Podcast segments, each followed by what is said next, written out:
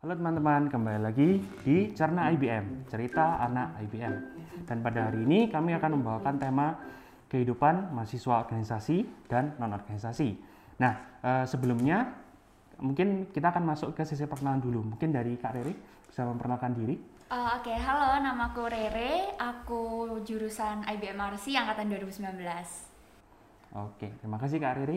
Sekarang kita masuk ke Kak Carisel. Silakan Kak memperkenalkan diri. Iya, thank you Matt. Halo, namaku Karisel, aku juga angkatan 2019 di IBM.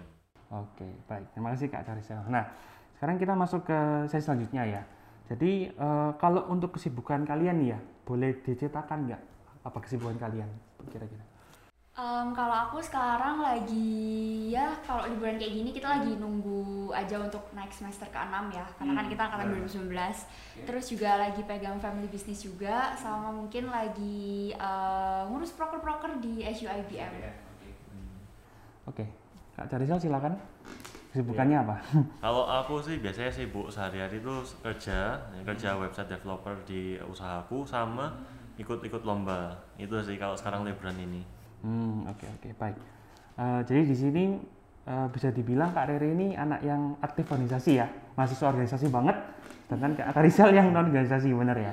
Oke mungkin eh, aku mau denger apa ya pendapat kalian sih, mungkin lebih ke perspektif gitu. Eh, anak organisasi sama non organisasi ini gimana rasanya menjadi salah satu pihak itu? Mungkin dari Kak Rere dulu ya, sebagai anak yang aktif di organisasi gitu. Um, kalau menurutku uh, aktif di organisasi itu selain ngisi waktu luang ya, Matt ya, juga um, bisa ber- di- berdiskusi sama banyak orang. Karena mungkin uh, itu balik lagi ke individu sih. Kalau aku tipikal yang uh, suka berdiskusi dan kumpul banyak orang gitu. Jadi uh, join organisasi itu pilihan menurut aku gitu. Oke, kalau apa ya? Kalau bisa dibilang pilihan, pilihannya gimana? Sekarang negatif atau positif? Positif dong, karena uh, akhirnya apa yang aku inginkan itu terpenuhi. Gitu. Kalau kayak gitu. Tapi untuk ke depannya nih, maksudnya untuk mahasiswa organisasi ya, kita ngomong perspektifnya yang ikut organisasi yang sibuk banget ya. Itu untuk semester atas itu kesannya apakah membantu banget atau mem- persiapannya itu kurang kesannya? Menurut Kak Riri gimana? Eh, karena kebetulan kan eh, aku join di SU itu di ya bukan termasuk angkatan tua ya masih masih tengah-tengah lah. Ini baru mau menuju angkatan tua. Em, kalau selama angkatan semester ini sih aku ngerasa enjoy aja sih nggak terbebani dengan eh, kesibukan. Tapi memang eh, kesibukan yang lainnya ada di luar organisasi SU ada. Cuman untuk saat ini yang aku jalanin eh, aku nggak merasa terbebani sih untuk eh, kesibukanku yang lainnya juga Tadi kan kita ngomong ini aku korek lagi ya kak ya. Boleh, ngomongnya boleh. korek ngomongnya. Kalau ngomong tadi kan glamournya tuh, wih dipandang, wih anak SU nih kan, anak organisasi gitu. Em, ya kan? Kalau eh, minusnya, mungkin unek- lebih ke unek-unek cur curcol curhat sih ini. Gimana? eh, minusnya eh, yang pertama mungkin lebih ke akhirnya waktu untuk keluarga atau mungkin waktu untuk individu untuk me time apalagi aku cewek ya Karisel ya jadi kadang perlu me time atau moodnya naik turun kayak gitu susah buat terpenuhi itu kalau yang aku rasain ya tapi kalau untuk kesibukan em, sejauh ini nggak mengganggu aku untuk uh, karena kan ya s- namanya anak organisasi pasti ada komitmen di awal ya dan harus dipenuhin gitu. Oke, I see, I see. Ya berarti ya plus minus lah ya kak ya Plus minus kira-kira. Oke oke. Mungkin dari kak Rere sendiri untuk ke depannya nih, eh, apakah masih mau ikut organisasi? Kita Oke. ngomong kelanjutannya ini ya. gimana gimana? Eh, kalau untuk angkatan atau semester depan ini ya mungkin eh, setelah lulus SU tahun ini mungkin em, yang ada di mindsetku sih lebih ke kita coba hal baru karena kebetulan eh, aku udah dua tahun di SU hampir dua tahun.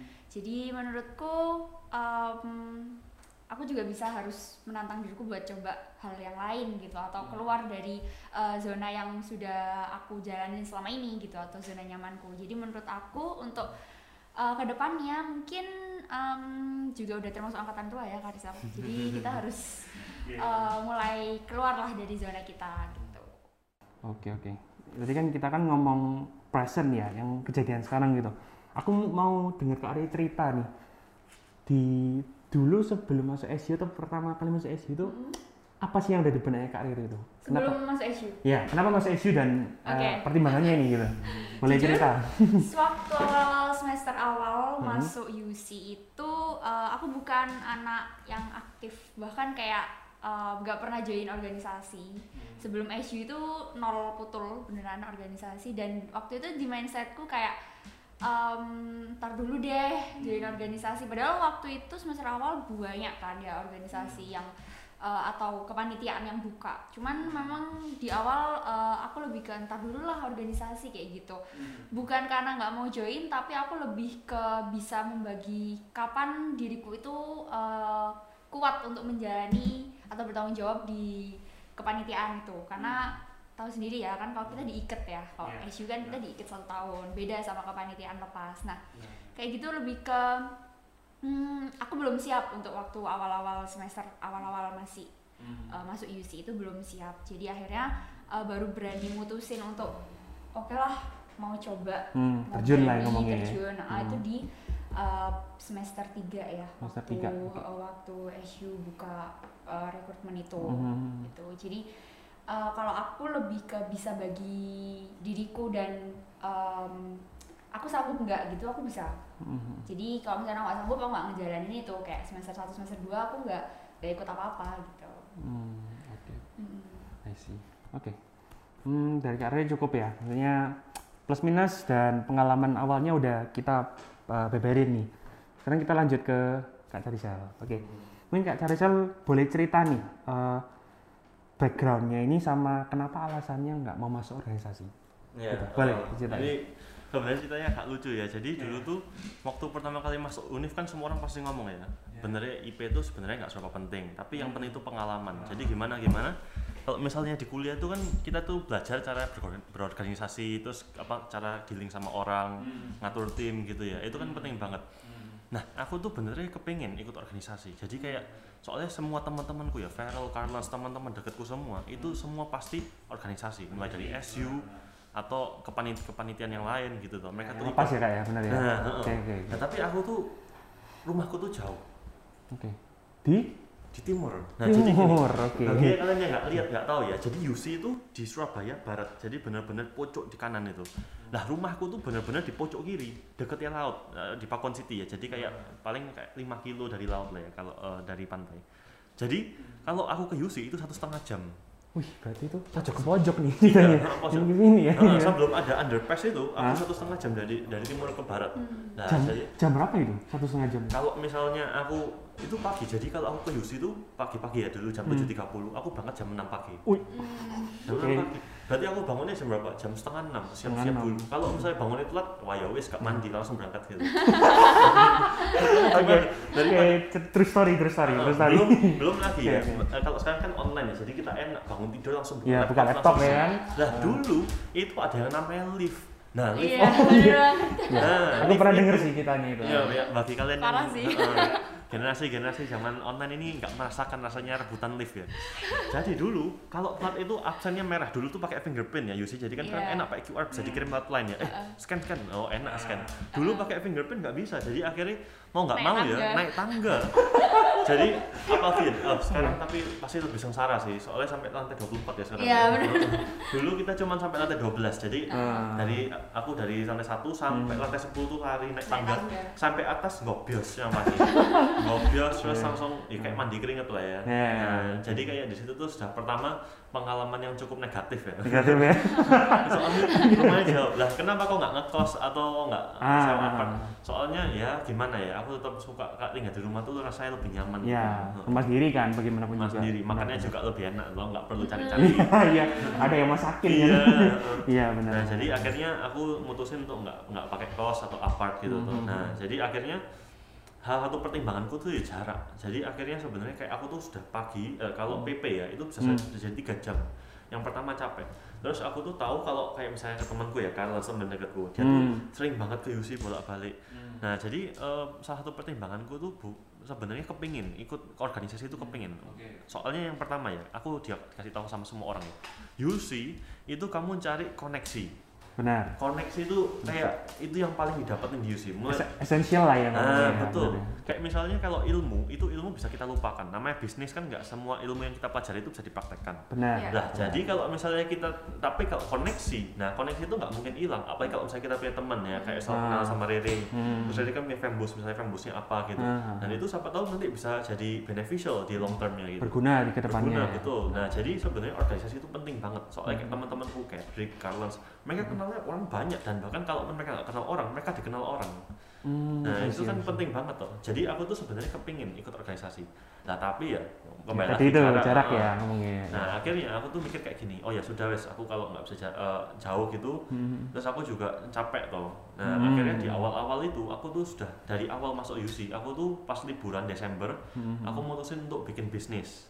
Oke Nah aku tuh bikin bisnis, aku nggak tahu sudah berapa kali gagal ya. Terus nggak tahu Oke. pokoknya. Aku sampai sempet pas awal-awal corona tuh aku sempet uh, nyoba ekspor ke Cina masker, eh kok ke Cina, ke mana ya? Ke Dubai Cina. Hah? Tapi sampai boncos gagal gara-gara ada ada masalah lain. ya ya Ya pokoknya semua macam bisnis tak cobain lah, mulai dari eh, bahkan dulu yang bukan bisnis juga tak coba jual asuransi, properti dan lain-lain toh. Aku mi- aku mikir ya emang kalau aku nggak nggak sibuk kuliah ya aku nyoba coba eh, make Ya. money lah ya. heeh. Nah intinya aku gagal beberapa kali, terus tapi di situ tuh aku ngerasa seneng. Soalnya ngerasa seneng kenapa? Soalnya aku ada kesibukan yang lain. Terus yang bisa menggantikan organisasi itu. Nah jadi eh, tapi ya bisnis itu juga gak gampang sih gitu ya. Kita kan eh, sering gagal jadi nyoba. Tapi eh, saya tuh dikasih tahu sama orang tahu saya, kamu tuh pas kuliah itu gagal-gagal loss yang banyak. Cobain semua dulu, gagal yang banyak tuh nggak masalah. Soalnya kamu kalau selesai kuliah, kamu gagal itu bakal jauh lebih susah dibanding kamu pas Iya. kuliah. Soalnya pas kuliah kan kita masih ada apa apa ya namanya? masih ada wadah ngomongnya Ah, heeh. orang tua kita juga masih ngasih kita makan. Mhm. Nah, tapi kalau selesai kuliah kan kita harus kita gagal ya kita sendiri yang Ah, kena gitu kan Terus kita juga iya gitu. Jadi Mhm. kita tuh sebenarnya dipersiapkan kalau misalnya kita selesai kuliah itu kita bisa terbang sendiri. Nah, gimana caranya? Akhirnya saya kan juga nggak punya fanbus ya. Akhirnya saya mikir, oh pas di UC, UC ini kan eh, apa kuliahnya tempat entrepreneur ya. Jadi kita tuh heeh, membuat entrepreneur-entrepreneur baru. Jadi gimana caranya saya tuh bisa jadi entrepreneur gitu? Harusnya sih cari koneksi ya, tapi karena itu bukan possibility, akhirnya saya coba langsung terjun ke dunia kerja. Singkat cerita gitu. Nah, terus kalau kesibukan saya yang sekarang itu ikut lomba. Nah, gini, saya tuh nggak pernah kayak ikut lomba yang kayak oh pengen ikut lomba nggak pernah. Tapi tiba-tiba ditawari sama Mr. William. Mr. William, heeh. terus dia tawar ikut lomba akhirnya lomba. Nah, tapi aku mau cerita tentang spesialnya anak UC. oke boleh Ya, boleh boleh lomba. boleh Jadi kenapa kok kita tuh masuk ya? Kalau siapa pun anak UC, aku yakin kalau anak UC ikut lomba itu ada kemungkinan menang menangnya itu tinggi. Nah, kenapa? Soalnya gini, di UC itu kita di- diajarin bukan cuman teori tapi praktek. Nah, itu yang beda sama universitas lain. Aku sudah ikut lomba tuh beberapa kali, ya emang baru baru tiga kali sih, tapi tiga tiga menang. Kenapa? Soalnya beda. Aku aku lihat tuh beda sama universitas lain. Kenapa? Aku kan ikut lomba bisnis plan. Universitas lain itu mayoritas itu mereka tuh bikin plan-plan plan yang teoritis. Nah tapi kalau bedanya anak UC, aku kan nggak pernah pengalaman lomba, jadi aku nggak tahu. Mereka kasih problem, mereka kasih problem A. Mereka, ada waktu itu ada yang lomba pertama aku tuh rumah sakit. Rumah sakit ini itu nggak punya eh, sistem, sistem back end untuk mengatur pasien untuk untuk eh, daftar secara online bla bla bla gitu loh. Kelompok-kelompok lain itu mereka semua bikin teori. Jadi oh kamu harus bikin aplikasi, kamu harus gini, kita harus gini. Kelompoknya kita enggak. Kita langsung bikinin aplikasi back end dari front end semua complete sistem MIS. Nah, itu kita bikin semua. Jadi dari website dan jadi kita nggak ada babi bu sama sekali kita langsung bikin kita nggak ngomong oh kamu harus bikin gini kita kita kayak gini kita sudah bikinkan ini untuk kamu kamu bisa langsung pakai sistemnya gini-gini kita jelaskan nah itu di situ aku baru tahu ternyata bedanya anak UC sama universitas nah lain itu itu langsung Itu. eksekusi ya. Heeh. Nah jadi mungkin ini agak yang melebar ya, tapi dari situ aku langsung hook sama ikut lomba. Jadi sekarang Hmm. kegiatan aku aku sering beberapa kali ikut lomba gitu Wah, sih. oke oke see, I see. yang baik maksudnya dari coach Carisel yang ada problem lah ya sama betul. jarak Mm-mm. bisa manfaatin eh, try something else gitu kan Iya. dan tadi yang contohnya buat BMC itu kalau maaf ya universitas A misalnya ya A kalau buat business plan A to B kalau ini kan A to Z udah berapa step di atas Betul. gitu kan oke I see, I see. oke mungkin eh, dari coach Carisel sendiri kalau untuk ke depannya ini kan memang apa ya? Sekarang kan online ceritanya. Jarak bukan jadi masalah ya. Jarak cuman tinggal ke laptop gitu kan. Iya, betul. Eh, ada kemungkinan nggak mau join organisasi? Kalau bisa. Kalau join bisa. organisasi Mm. Kalau tahun ini rasanya nggak mungkin Nggak mungkin. kalau tunggu tak pertanyaannya tadi apa kepingin ya Hmm, kepingin kepingin. Nah, kepingin iya tapi kalau bisa tenda nggak bisa nggak bisa. Oke, oke. beda ya Nah, kalau misalnya membantu kepanitiaan lepas aku sudah beberapa kali kayak ban- bantu apa ya S3 nih apa ada Hmm. itu atau Freelance ya. nah terus kayak terakhir acara FVE jadi kayak kepanitiaan itu beberapa kali ikut Hmm. tapi kalau ikut organisasi yang membuat event kayak Rere Hmm. nah, saya nggak sanggup itu soalnya itu itu butuh orang-orang spesial yang bisa mengatur waktu Hmm, yang bisa mengatur tim yang terikat lah Iya. ya benar oke oke Hmm. oke oke kalau dari kalian berdua nih ya eh, kita pisahkan lah eh, non non organisasi sama organisasi Hmm.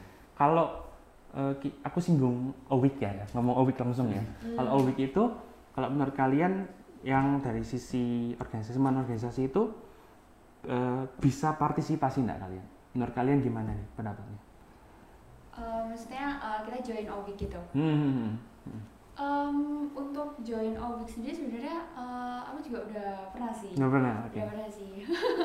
Karena saya udah pernah belum? benar Pernah kan ya? oh ceritain ceritain kita cerita ya eh, Owik apa ini Owik ikut jadi anaknya atau panitia Eh, jadi panitianya oh nggak pernah nggak pernah Oke. Eh, OWIC ya. ah OWIC itu em, jujur pertama kali ngerti dan paham Hmm. yang buka pikiranku tentang organisasi itu justru di OWIC sih OWIC pertama ya. kali ya. Oke. karena dari yang semester 1 semester 2 nggak join apa-apa Hmm, hmm, nol putul terus tiba-tiba em, pengen coba yang Hmm. langsung sekelasnya OWIC yang pasti saingannya satu UC satu bener ya? UC Satu UC ya? jurusan ya benar. satu UC jadi em, pertama kali bisa eh, ngerti apa itu organisasi apa itu kepanitiaan tuh sebenarnya lewat OWIC sih. Karena di OWIC itu benar-benar em, kita dididik untuk ya udah ini tanggung jawabmu gitu untuk menyelesaikan satu proker besar ini yang tanggung jawabnya memang em, bukan hanya internal UC tapi udah Mhm. mahasiswa baru Mahasiswa baru, kayak benar, gitu. Eh, jadi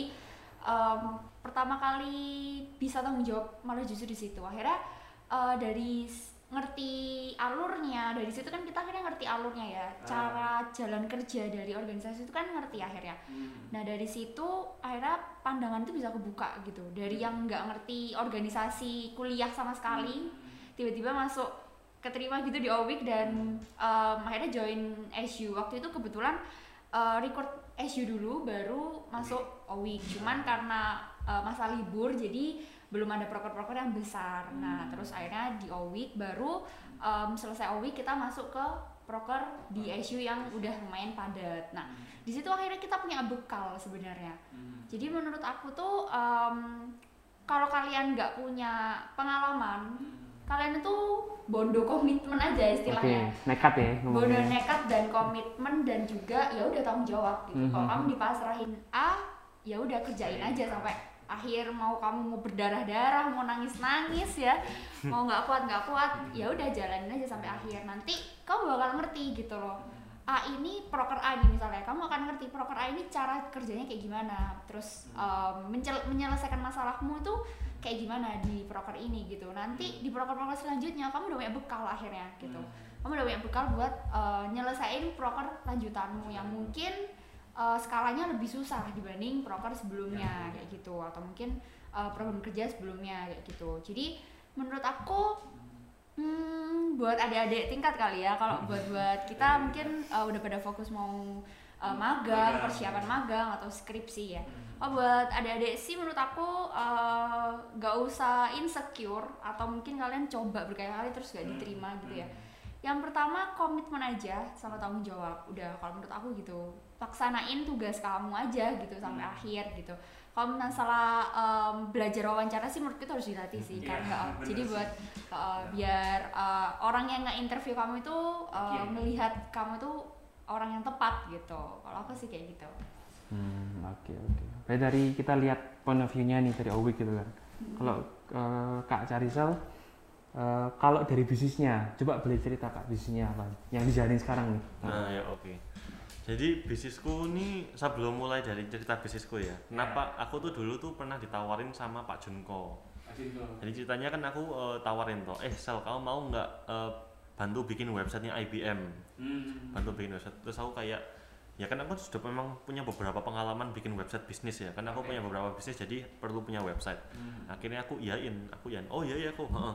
akhirnya aku masuk ke tim tim IBM toh websitenya.